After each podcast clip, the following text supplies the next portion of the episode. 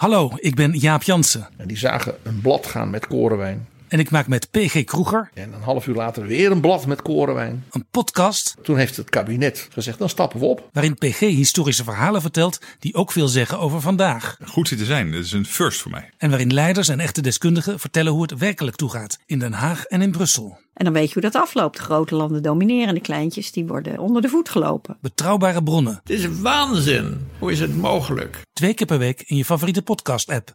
Deze podcast is 100% expertisevrij en alleen geschikt voor amusementsdoeleinden. De inhoud mag niet worden beschouwd als financieel advies.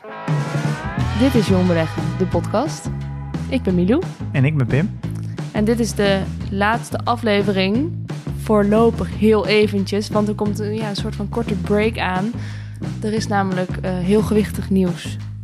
Oeh, spannend. Ja, en in deze aflevering hebben we ook geen portfolio, Geen nieuws. geen reviews, Nee, geen update. maar het wordt toch wel een hele volle aflevering. Ja, dat het is heel belangrijk nieuws. Zullen we maar beginnen? Ja, laten we snel doen.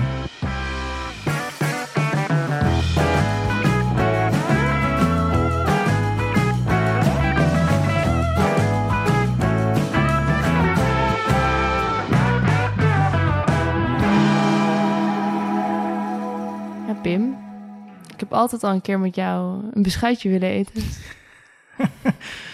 Ja, welke kleur?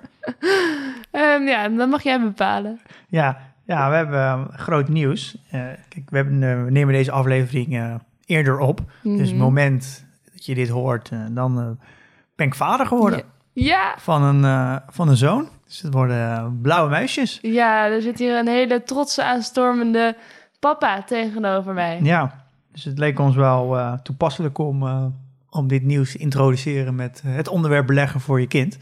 Ja, Ehm, want dat ga ik natuurlijk zeker doen. ja dat, dat zat er wel dik in natuurlijk. Beleggen voor je kind. En op een gegeven moment, als het kind wat ouder wordt... kun je misschien ook eraan gaan denken om te gaan beleggen met je kind. Ja, dus, dus deze hebben we eerder opgenomen. Dus we hebben een iets afwijkende aflevering. Ja. Dus deze eh, wordt online gezet moment dat ik vader ben geworden. Ehm, en dan nemen we ook gelijk even een eh, pauze van een, eh, van een aantal weken, denk ik. Ja, ik denk dat jij wel genoeg andere dingen te doen zou Ja, dat denk ik ook wel. Hoe kijk je hier naar uit? Ja, nee, het is een, een heel lang proces van het, eh, het, ja, het vader worden eigenlijk. Nee, de, de vrouw doet eigenlijk alles. Hoe bedoel je? Nou ja, je hoeft eigenlijk niet zoveel eh, te doen hè, als man. Nou, weet ik niet. Eh, eh, eh, voelt het voor jou zo? Ja, het je voelt je wel een beetje, eh, een beetje aan de zijkant staan. In, eh, ook al wil je dat eigenlijk niet. Ja, je kan niet zoveel doen. Ja, je doet alles wat je kan doen. En dat is de kinderkamer en de spullen. Je bent steeds meer aan het zorgen en zo. Maar ja, jij doet ook heel veel volgens mij. ja, maar dat staat niet in verhouding wat de vrouw moet doen, eh, vind ik. Nee. Eh, de vrouw doet toch voor mij, vind ik wel echt eh, 99% van alles. Nou je ja, doet als man dat- dat dans je er een beetje mee wat je kan doen. Ja. Maar dat is niet in verhouding. Nee. Ehm, ho- hoe is dit voor jou? Ja, nee, ja, je, hebt natuurlijk negen maanden om eraan te wennen. Het idee dat je vader wordt, Ja, ja. wel, eh, wel heel leuk. Ja, kijk er heel erg naar uit. En, eh, Is het ook eng? nee, nee, eigenlijk helemaal niet. Nee. Eh, het komt misschien ook omdat je, ik heb ook veel vrienden om me heen en eh, ook een nichtje. Maar je ziet natuurlijk eh, dat het eigenlijk allemaal best wel eh, geleidelijk gaat. En er zijn al zoveel kinderen in de wereld eh, geboren. Dus dan eh, moet het mij ook wel lukken. We gaan dus over twee dingen hebben. Eerst beleggen over voor je kind. Ja, eh, als het kind nog niet oud genoeg is. En eh, beleggen met je kind. Wanneer is een kind eigenlijk ehm, nou ja, nog te jong om eh, het zelf mee te beginnen? ja, dat is natuurlijk een hele goede vraag. Ik, ik heb daar natuurlijk niet zoveel ervaring mee. Ik heb natuurlijk vooral, ik heb eigenlijk alleen maar baby's bijna en peuters om me heen. Dus nog niet echt oudere kinderen. Nee. Maar ik heb dit wel in, in de community ook neergelegd. En ik, en ik ook een beetje geke- rondgekeken naar hoe, hoe, ja, hoe gaat het Nibud nu om met zakgeld, kleedgeld en zo. En ik merk toch wel dat de, over het algemeen is de reactie wel... Het is heel moeilijk. Kinderen zijn daar helemaal niet mee bezig. Hebben hele andere, ja, hele andere ideeën waar, wat ze belangrijk vinden. Wat natuurlijk ook heel logisch is. En ik denk dat... Ja, daar gaan we het straks nog verder over hebben. Maar ik, ik heb toch wel een beetje het idee... Kijk, eh, iedereen, ik denk dat alle ouders vooral in de community het heel graag willen. Want ze hebben allemaal zelf erva- ervaren dat ze het niet mee hebben gekregen in de opvoeding. Dat Ja. heb ik zelf ook niet. En dat een Eh, lange horizon eh, gewoon heel erg fijn is. Ja, dus vanaf, eh, ik ben eigenlijk vanaf mijn dertigste pas begonnen. Nou ja, denk 12 jaar te laat. En ik had zelf heel erg graag gewild dat mijn ouders me dat hadden geleerd. Moet ik me natuurlijk wel afvragen of ik op mijn 16e of 18e daar überhaupt mee bezig was. Maar ehm, je kan het allicht proberen. En ik denk al goed is om het, erover te, om het erover te hebben, waardoor je kind in ieder geval weet dat het er is en dat het mogelijk is. En als ze het een keer willen leren, dat ze bij je terecht kunnen. Mhm. Ehm, en het verschilt denk ik ook een beetje per kind. Maar er zijn wel wat leuke ideeën gedeeld en ook wel wat ervaringen gedeeld. Dus die gaan we straks even, eh, even bespreken. Maar laten we eerst maar gaan naar beleggen voor je kind. En Ja. misschien ook voor je kleinkind. Hè? Dat kan ook. Oké. Nou, eh, hoe, jij, hebt hier dus, jij bent hier ingedoken, want je dacht van, nou, dit moet ik dus, dus maar even gaan uitzoeken. Ja, er zijn ook, er zijn ook heel steeds meer. eh, ik denk dat een grote groep van de luisteraars nu eh, of al, of ouder zijn, of, of ja, ik denk wel vrij binnenkort worden. Dus het is natuurlijk sowieso een interessante aflevering. En het heeft natuurlijk heel erg te maken met belastingen. Eh, je hebt natuurlijk met schenkbelasting te maken en je wilt ook zo min mogelijk belasting betalen. Mm, ik Dus waar dat je- het een leuke aflevering zou worden, Pim. Ja, dat wordt ook wel een leuke aflevering. Belasting is hartstikke leuk. nou, het- ik denk dat in eerste instantie moet je even kijken. Er zijn twee opties. Dat is het belangrijkste om mee te beginnen. Je kan een beleggingsrekening openen op je kind, kleinkind. Of een beleggingsrekening openen op je eigen naam. Ja. Dat is eigenlijk even om mee te beginnen. Dat zijn eigenlijk de twee varianten. Eh, ik denk op, op het kleinkind is heel moeilijk, want je moet altijd de ouder als wettelijke vertegenwoordiger. Dus ik merk dat als je het op je, echt voor je kleinkind wil, dat het administratief best lastig wordt. Dus we gaan het even hebben over alleen op je eigen naam van je eigen kind. Ja. Ehm, En op de naam van ouders. ja, nou goed om te weten dat het vermogen van je kind is ook jouw vermogen. Dus als een kind spaargeld heeft, of beleggingsgeld maakt niet uit, gewoon vermogen, dan wordt dat volgens de Belastingdienst tot het kind 18 is gezien als jouw vermogen. Dus op dat vlak maakt het dus niet uit of je het nou op je eigen naam zit of de naam van je kind. Het, voor je vermogensbelasting is het gewoon één pot nat. Oké. Eh, dus dat is al de basis ja, om te weten. zou een kind ook eh, inkomstenbelastingaangifte moeten gaan zitten doen. Nou ja, die, nee, die zou kunnen stellen, dat dacht ik dus eerst, dat het kind gewoon ook eh, vermogensbelasting moet, zelf moet betalen. Maar dat is niet, niet zo. Een kind dat 18 wordt gezien als een onderdeel van de ouders. Ja. Dus daar zit dus geen verschil tussen. Dan zit eigenlijk het grote verschil tussen, dus je, eh, als je een rekening op de naam van het kind zet, dan is het moment dat het kind 18 wordt ook eigenaar. Dus stel je voor, je hebt 20.000 euro op je beleggingsrekening en het kind wordt 18, dan kan die ook vanaf dat moment, is die eigenaar van het geld. Dus dan kan hij er ook voor kiezen om het geld uit te geven en een wereldreis te maken. Ja. Ehm, eh, dus je bent een zeggenschap kwijt als ouder. Als het op jouw naam staat, dan heb jij natuurlijk het zeggenschap nog.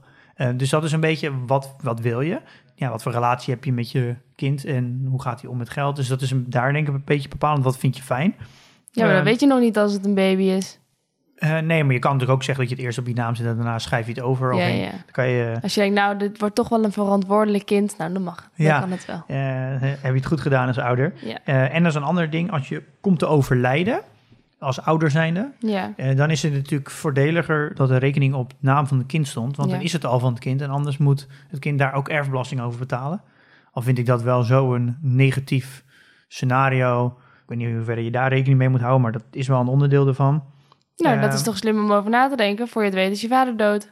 Ja, dan, dan moet je daar dus, als het op jouw naam staat, dan hoef je daar natuurlijk niks over te betalen, want het is dan voor jou. Maar eigenlijk de grootste, de grootste reden eigenlijk om, om voor het een of het ander te kiezen is de schenkbelasting.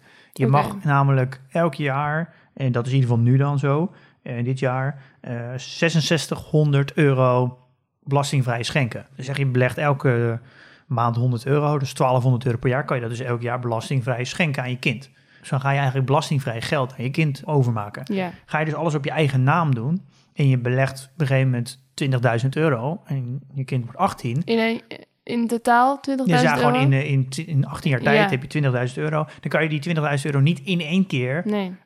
naar, naar je kind. Dan, moet je, dan kan je of dat in meerdere jaren doen, dus die 6600 euro belastingvrij schenken. Ja. Maar je hebt wel eenmalige giften die je ook kan doen. Bijvoorbeeld voor eh, zonder doel, dan kan je 26.000 euro. Oké. Maar dat is dus ook weer, ja, die recht wil je misschien nog houden, want dat, die kan je gebruiken tot je kind 40 is. Dus Ja. die wil je misschien niet direct gebruiken. Maar Omdat hij dan een huis kan kopen. ja, je hebt ook nog een losse eenmalige gift van een koophuis van 100.000 euro. En je hebt ook nog een eenmalige gift voor studie voor 55.000 euro. Dus je hebt wel best wel veel mogelijkheden om geld belastingvrij te schenken aan je kind. Ja. Het is wel zeggen dat dit over 18 jaar totaal niet duidelijk is of dit ook er nog is. Eh, misschien bestaat het gewoon niet meer. Ehm, fiscale... Ja, dat weet je niet. Nee, Dus dat is natuurlijk een groot onzekere factor. Dat je dus niet weet hoe het ervoor staat over 18 jaar. Als je daar niet tegen kan, tegen die onduidelijkheid, dan heb je misschien, wil je het liefst misschien direct uh, op je naam van je kind al hebben. Ja, maar vertrouw je het wel, dan zijn er eigenlijk prima veel mogelijkheden om dat geld te schenken aan je kind Ja. wanneer je dat wil. Ja, en je kan natuurlijk ook voor kiezen. Of je kan zeggen, ik doe het eerst op mijn eigen naam. En als op een gegeven moment, als het kind 15 is, dan kan ik iets verder vooruit kijken. Dan heb ik nog drie jaar. Dan kan je ook dan op dat moment kiezen. Ik open dan een rekening voor mijn kind. Um, want dan weet ik een beetje wat de belastingregels zijn. En En dan kun je het wel nog allemaal overhevelen. nou ja, dan kan je natuurlijk ook gewoon eh, belastingvrij schenken. Als dat er nog is. Dus je kan, het, Ja. je kan, je kan de kansen nog wijzigen. Ja. Ehm, dus dat is eigenlijk een van de belangrijkste dingen om te weten. ja, maar je kan het ook gewoon, gewoon meteen op het kind zetten. Maar Ja. wat is dan de reden om dat niet te doen?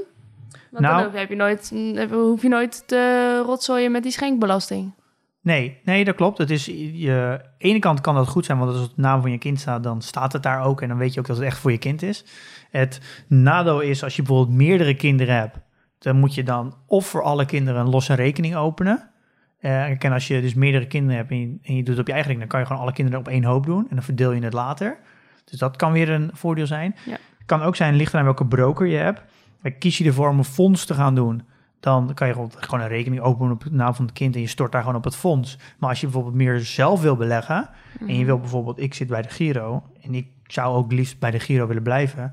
De Giro biedt nu geen mogelijkheid aan om een rekening te openen voor het kind. Nee. Wat misschien over een paar jaar wel is.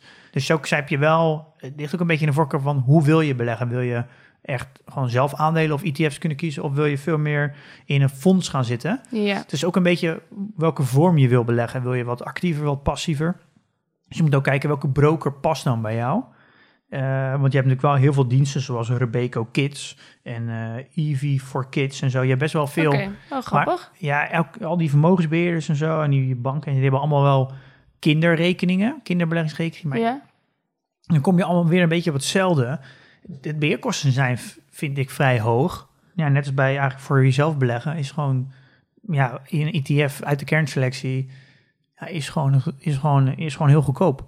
Eh, en daarnaast biedt Giro ook de mogelijkheid aan om eh, eventueel ook nog losse aandelen te kopen. Dus mocht je kind bijvoorbeeld een keer ah, het mag 12 zijn en je, en je zou bijvoorbeeld een Disney aandeel willen geven of een, eh, ik wil noem het een, bijvoorbeeld een eh, Hello Kitty, Active, Active Blizzard of zo. Of het is een Active Sport of je wil iets, iets, Action Man. ja, iets, iets een aandeel geven wat meer in de, in de leefwereld van kinderen zit en wat dan op dat moment populair is, dan zou je dat ook kunnen doen. En bij fondsen, dan moet je gewoon geld storten en je hebt daar geen invloed op wat je...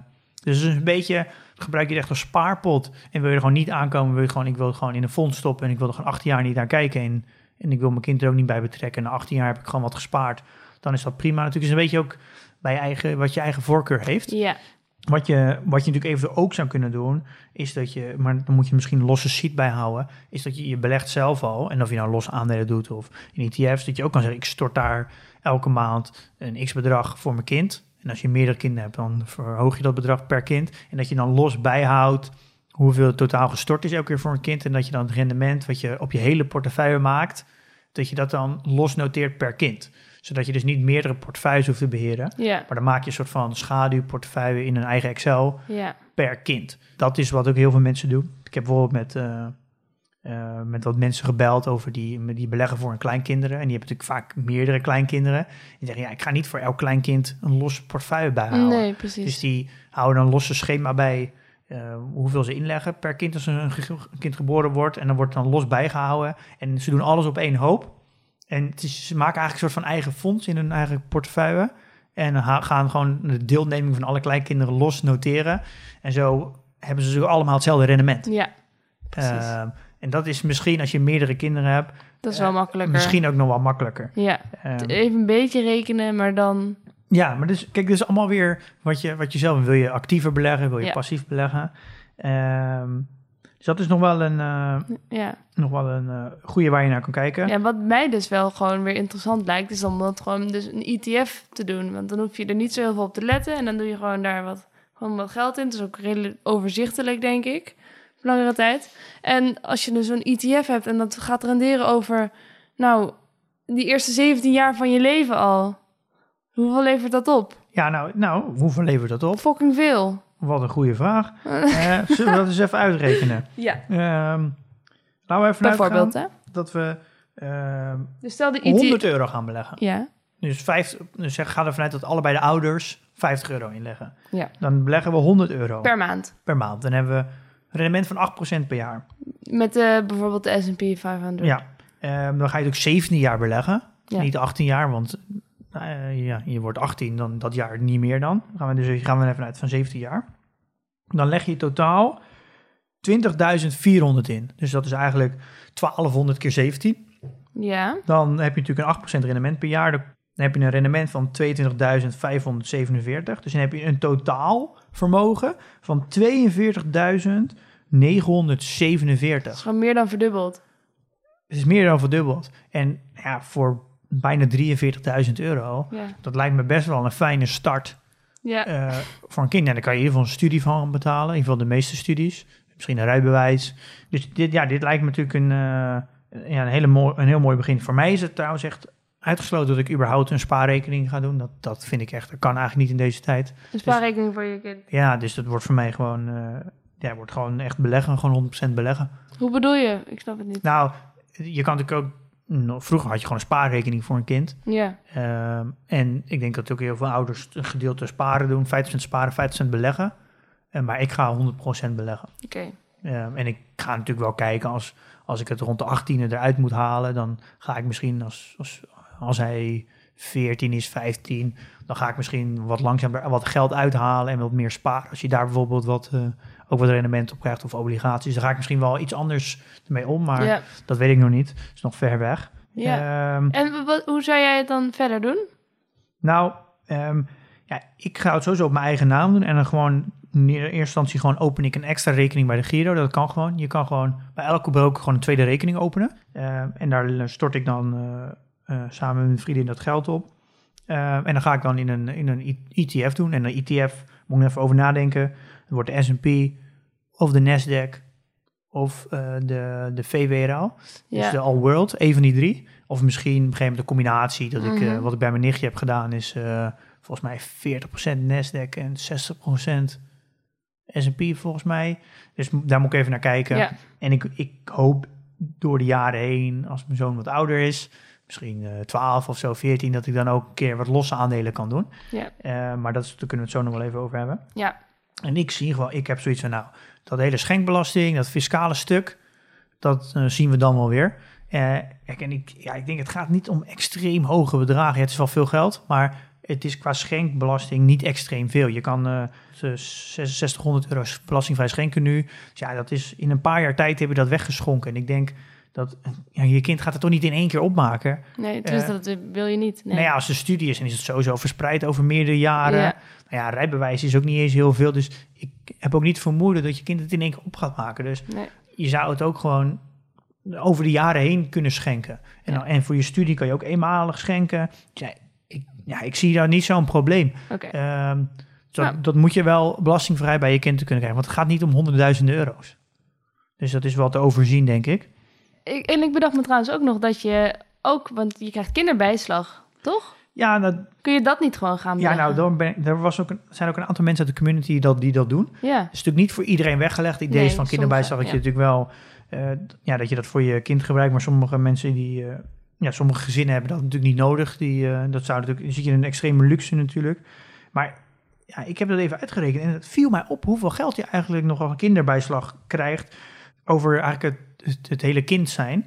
En het is verdeeld in drie tiers. 12 tot Tears? ja, gewoon eh, je leeftijd 0 tot en met 17 is opgedeeld in drie leeftijdsgroepen. Ja. En per leeftijdsgroep krijg je een ander bedrag. Dus als het kind ouder wordt, krijg je wat meer. Ja. Maar in totaal ontvang je dus 18.635. Dus dat is, eh, dat komt eh, Van op 0 neer. tot 18. Ja, dat, ja, dat 0 tot 17 eigenlijk. Tot en met 17. Ja, dus dat kom je uit op bijna is meer dan 91 euro per maand. Nou, ik had het net over, dat, over die 100 euro beleggen. Dus dan zou je dus eigenlijk 9 euro bij moeten leggen. En je, nou, en je belegt dan gewoon de kinderbijslag. Dan zou je dus kunnen uitkomen op ongeveer een rendement van 40.000 euro. Dus, Als dus- je je die luxe kan veroorloven. als je die luxe natuurlijk. Maar dat is wel een. eh, ja, dat, ja, dat is natuurlijk ja, wel heel. eh, Een mooie Geef je start. kind wel echt een hele mooie start. En dan heb je, denk ik, toch wel, als je dit doet, toch wel in grote lijnen de garantie, denk ik, dat je je kind kan laten studeren. Dus dat is ook iets wat heel veel, merkte ik ook uit de community, dat heel veel ouders eh, gewoon de kinderbijslag beleggen. Dus niet zelf beleggen, maar dus gewoon alleen maar de kinderbijslag. Ja. Dus dan kom je om en bij uit eh, is 91 euro per maand. Nou, Ehm, dat is toch een leuk bedrag om mee te beginnen, zou ik zeggen. Ja? Dus tot zover dan denk ik wel beleggen voor je kind. Ehm, ja, je kan nog één ding nog even zeggen dat je ook op de website kan kijken. Dan zie je een beetje de heb ik allemaal Ja. linkjes geplaatst naar alle brokers van de, de eh, Rebecca Kids en ABN Ja. en zo. Ehm, uiteindelijk is ja, het een beetje hetzelfde als je een eigen broker kiest voor jezelf. Ja, je moet een beetje kijken wat, hoe passief wil je het hebben, hoe actief wil je het hebben. Als het goedkoper is, moet je iets meer zelf doen. Daar moet je voor jezelf een beetje een dynamiek in vinden. Al hoor ik wel in de community dat heel veel mensen bij Meesman beleggen voor een kind. Dus index beleggen is vrij goedkoop. Eh, dus daar zou je ook aan kunnen kijken. Ja, je moet een beetje zelf, eh, ik geef geen advies. Je- Ja. Ik heb ze gewoon, ik heb ze allemaal onder elkaar gezet. Dus je kan ze zelf even bekijken wat, eh, wat je fijn vindt. Ik heb Ja. ook een aantal linkjes gezet naar andere blogartikelen van andere websites. Het financieel onafhankelijkheidsblog. Ja, die hebben dat allemaal uitgezocht, dus dan moet je daar maar even kijken. Ja.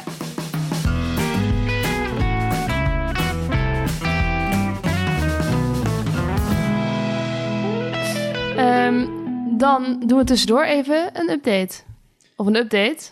Een update voor in de toekomst misschien. Want ehm, wij hadden het er even over dat het misschien dus ook wel leuk is... om in de portfolio dividend tracker een soort kindergedeelte in te richten. Ja, nou dat is leuk. Ik, ik was deze aflevering aan het voorbereiden en toen dacht ik, ja, hoe ga je nou kinderen betrekken bij, bij beleggen? Want ik, alle banken die waren vroeger daar heel duidelijk over. Dan kreeg je een spaarpotje of dan kreeg je een, van de postbank en zo. En dan kreeg je buizen waar je dan muntjes in kon doen. Ja, ja, ja. Je, je en zo'n zo'n pinautomaatje. ja, je, de kinderen werden in ieder geval betrokken bij, De postbank. bij wat is geld. ja. Eh, sparen. Eh weet je, gewoon het begrip geld. Daar, een bank had daar best wel een, een rol in. Ja. Maar dat hele sparen, het hele principe van sparen is nog steeds in stand natuurlijk. Of je nou ongeacht of je rente krijgt of niet. Het principe sparen is natuurlijk een heel goed principe. Iets, ja, een buffertje bouwen is ook een vorm van sparen. Is natuurlijk verstandig. Maar ja, je kan je bijna ook wel indenken dat langzaam we naar een tijd toe gaan dat de rente echt eh vaarwel, echt passé is. Gewoon, dat is er niet meer. En dat we dus nu ook iets van tooling moeten maken waar we kinderen leren beleggen. Ehm, toen ja, dacht ik, ik, ben ervoor. en toen dacht ik, eh, wat nou als we in PDT, en die kan je, we kunnen straks ook meerdere portfolio's aanmaken, dus dat is er nu nog niet, maar dan kan je dus een losse portfolio aanmaken. En dan doe je dus een portfolio voor je kind en voor jezelf. Dan heb je gewoon twee portfolio's in PDT zitten. En dan kan je op een gegeven moment de kindermodus activeren. En dan verandert dus jouw, jouw portfolio voor je kind dus in een gewoon een ja, gewoon in de stijl voor gewoon kinderen een beetje een spelletje achtig met natuurlijk niet zo, serie, niet zo serieus als het normaal is, maar een girafje erbij. ja, nou, en dan ga je ook andere termen gebruiken. Ja. En dan krijg je eigenlijk een soort van kindermodus. Dus dan kan je bijvoorbeeld één keer in het kwartaal of zo, of zo kan je even met je kind gaan zitten. En dan zet je die kindermodus aan en dan wordt het ja, allemaal gepresenteerd en verteld op een manier dat kinderen dat interessant vinden. En dan ja. worden de logo's van de bedrijven waar, ze in, waar je in belegt bijvoorbeeld groot gemaakt, waardoor kinderen herkennen, hey, eh, oh, ik beleg in Apple of ik beleg in... eh, in eh, Albert Heijn, eh, eh, ja, supermarkt. ja, gewoon in de dingen die ze herkennen. Ja, vet leuk idee toch? Ehm dus ik, nou, dat is misschien eigenlijk een heel leuk idee als de PDT wat verder ontwikkeld is, om een kindermodus in te bouwen. Ja, vind ik een superleuk idee. Daar, en we kunnen eventueel ook, maar dat is wel maar voor later, ook een, misschien een, iets van een kinderpodcast maken. Heel jong beleggen. Ja, jong jong beleggen. Jong, jong beleggen. Heel leuk. Ehm, ja, nee, dat gaan we doen. En, ehm, Jong beleggen 10 plus. Jong beleggen 10 plus of 10 min. Oh nee, 10 plus is wel beter. 10 min is wel echt jong. Maar ehm, we hebben natuurlijk waarschijnlijk ook weer nieuwe vrienden van de show erbij gekregen. Ja. En ik wil toch even dan de gelegenheid eh, grijpen om die te bedanken.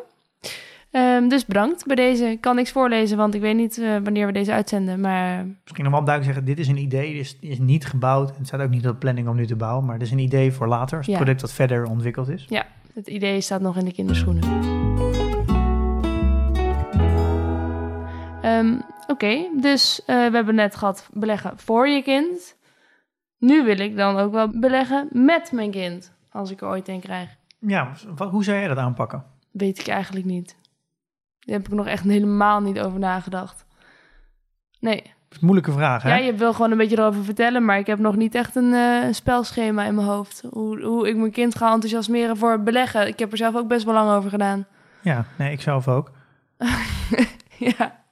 Dus hoe ga je dat doen? Ja, nou, ik had wat ideetjes in de community gegooid. Want jij, ja, je kan, ik kan natuurlijk wel heel leuk wat bedenken, maar in, ja, Het is niet berust op praktijkervaring. Nee. Dus ik had wat ideetjes eh, en ik had ik geopperd en kijken of eh, konden dan ouders daarop reageren.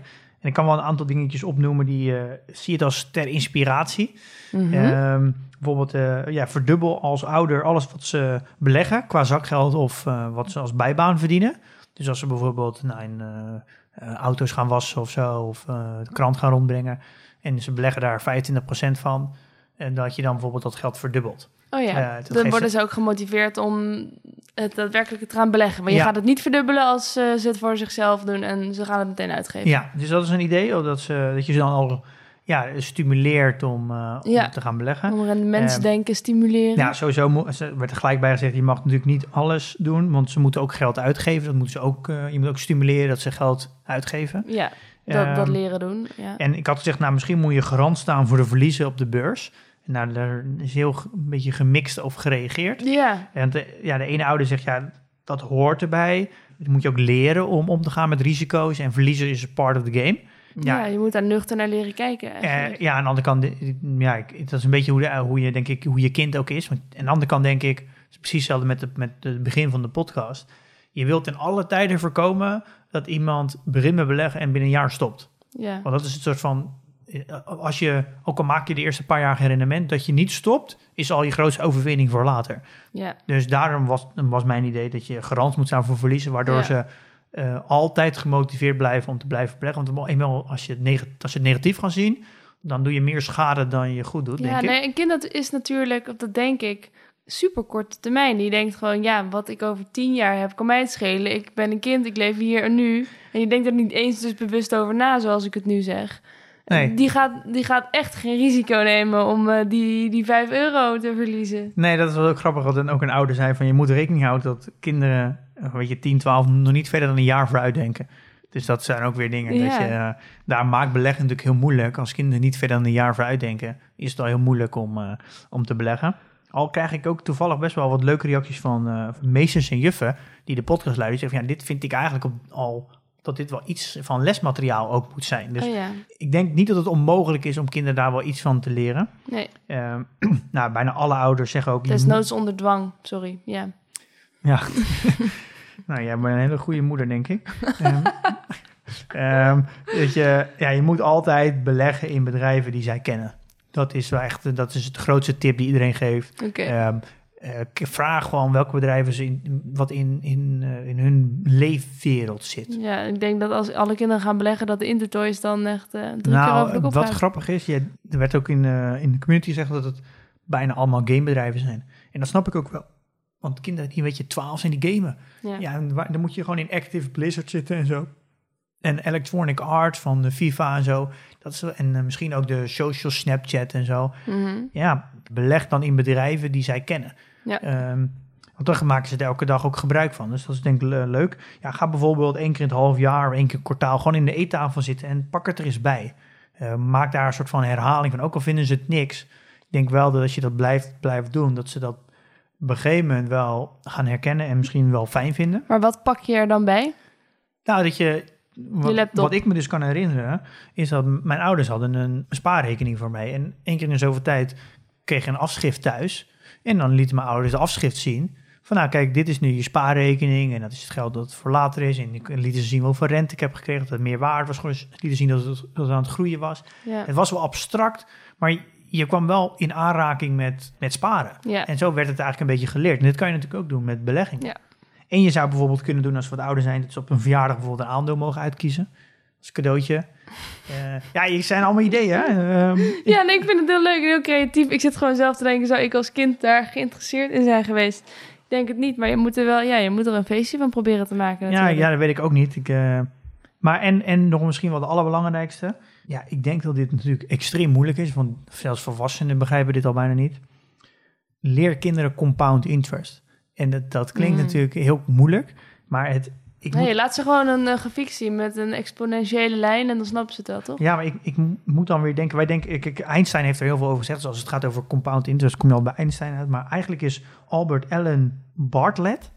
Hij is een, eh, volgens mij is dat een meer een wetenschapper.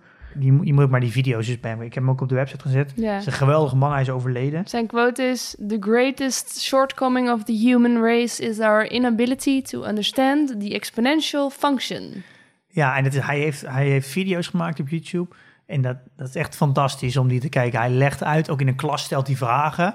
En, en dan moeten mensen inbeelden eh, ja, hoe dat exponentieel gaat. En ze zitten er constant naast. Het is, en hij legt dat, hij is een hele, een, echt zo'n docent die, ook al vindt het onderwerp niet leuk, het is nog steeds leuk om naar hem te kijken. Hij legt het heel leuk uit. Denk je dat we een stukje kunnen laten horen of heb je echt het beeld erbij nodig? Eh, nee, dat hoeft niet per se. Ehm, er is een, een, een video en die, die dacht ik eigenlijk ooit een keer met die test met jou te doen. Ik kan, hem nu wel doen en kijken of, we het, of, hem in de, of hem in de uitzending doen. Mhm. Hij neemt als voorbeeld met een groep studenten, vertelt hij een verhaal en dat wordt opgenomen. Dan pakt hij een hele grote vaas, zeg een bloemenvaas. Ja, ik, eh, wacht even.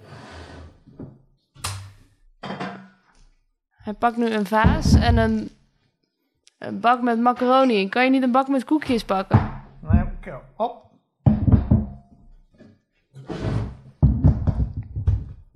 Oké, Oké, ik heb nu een, eh, een grote vaas voor me waar je bloemen in zet. Mhm. En ik heb hier een, eh, een stukje macaroni eh, voor me.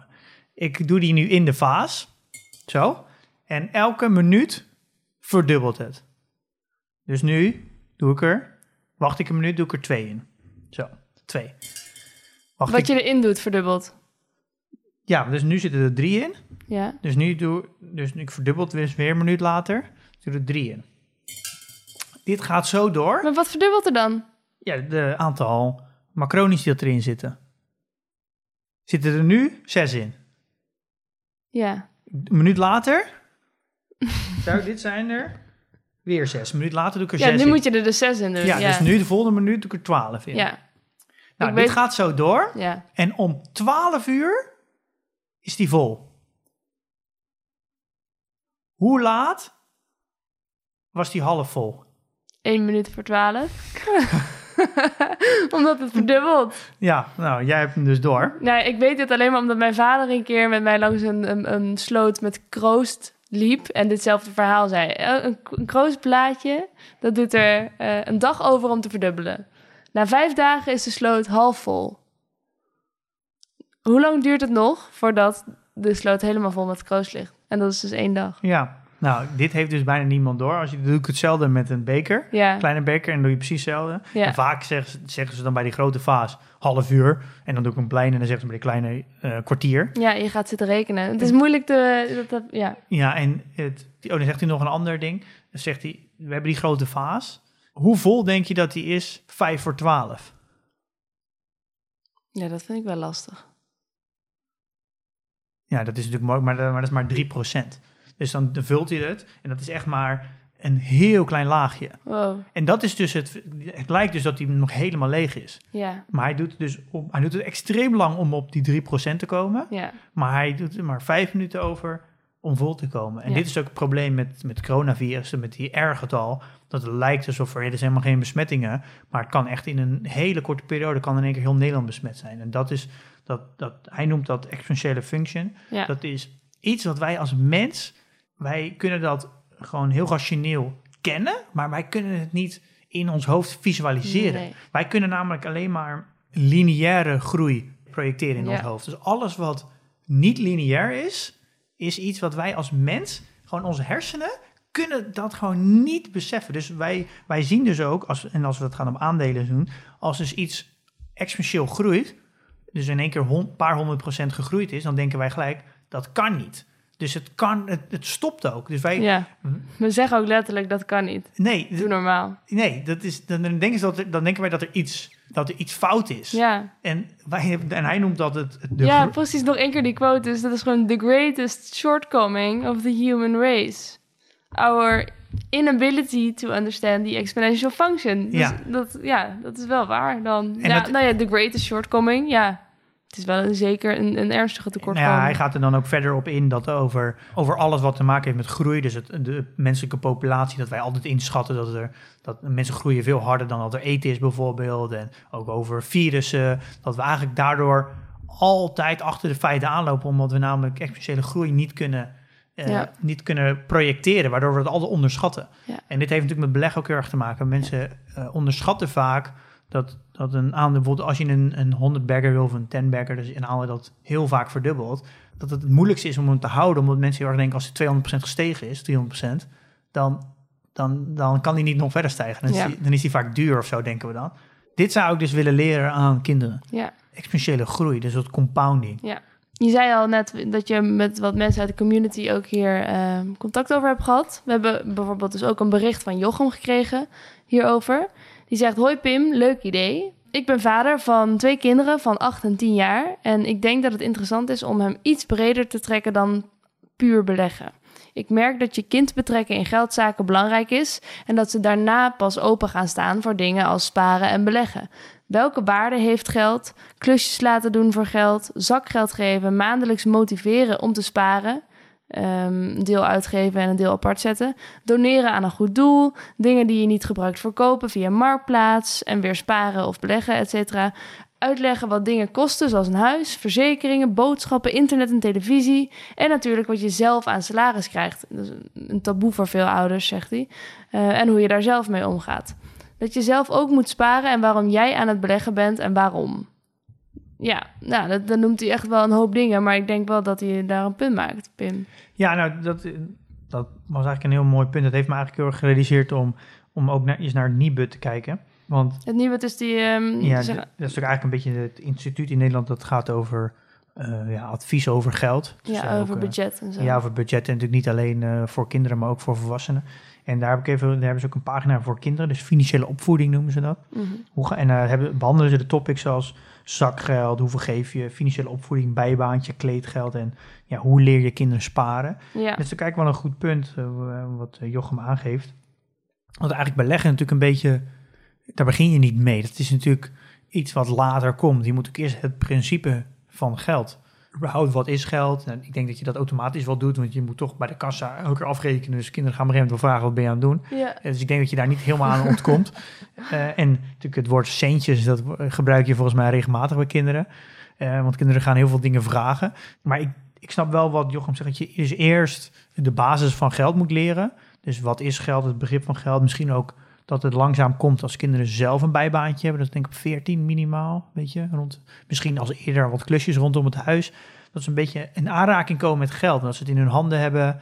En ik denk dat je dan later pas inderdaad pas kan denken over beleggen. En dat het ja, ook niet zo'n heel gek idee is om thuis wat vaker te praten over geld met je kinderen. Het is inderdaad best wel een taboe om als ouder denk, aan je kinderen te vertellen wat je verdient en Ja. hoeveel vermogen je hebt. En zo, ouders schermen dat vaak heel erg af. Ja, dat wilde mijn vader inderdaad ook nooit vertellen. Om er veel over te praten. En eh, ja, ik denk dat er best wel veel parallellen te trekken zijn met andere onderwerpen. Als je thuis dus eh, als ouder zijn, eh, misschien nou raar, maar als je bijvoorbeeld denkt dat over bijvoorbeeld over seksualiteit praten en zo thuis, als de ouders dat onderling helemaal niet doen, waar kinderen bij zijn en zo, en een kind wordt in één keer is, is 16 en je moet in één keer dat gesprek met kinderen gaan voeren, dan is het best moeilijk omdat je namelijk een soort van 16 jaar het onderwerp aan de eettafel verzwegen hebt.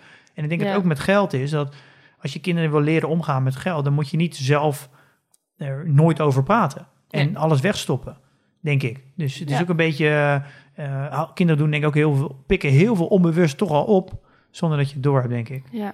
Ja, laten we erbij zeggen, ik ben geen expert, dus ik ga het allemaal, allemaal ervaren. En je gaat Ja. ons ongetwijfeld ervan op de hoogte houden. Ja, maar dit zijn wel allemaal, eh, denk leuke ideeën waar je misschien wat aan hebt als, eh, als ouder. Ja. En, eh, ja, ik denk wel dat om het eh, af te sluiten, ehm, ik vermoed dat we echt naar een beetje Amerikanisering van geld gaan. En eh, we hebben natuurlijk een heel goed vangnet hier, maar ik denk wel dat hoe, het, hoe wij het hier hebben opgezet met pensioenen en zo, en dat, dat idee is van je hebt gewoon een goed pensioen, je werkgever betaalt, heb je een huis en dan spaar je wat en je bent klaar.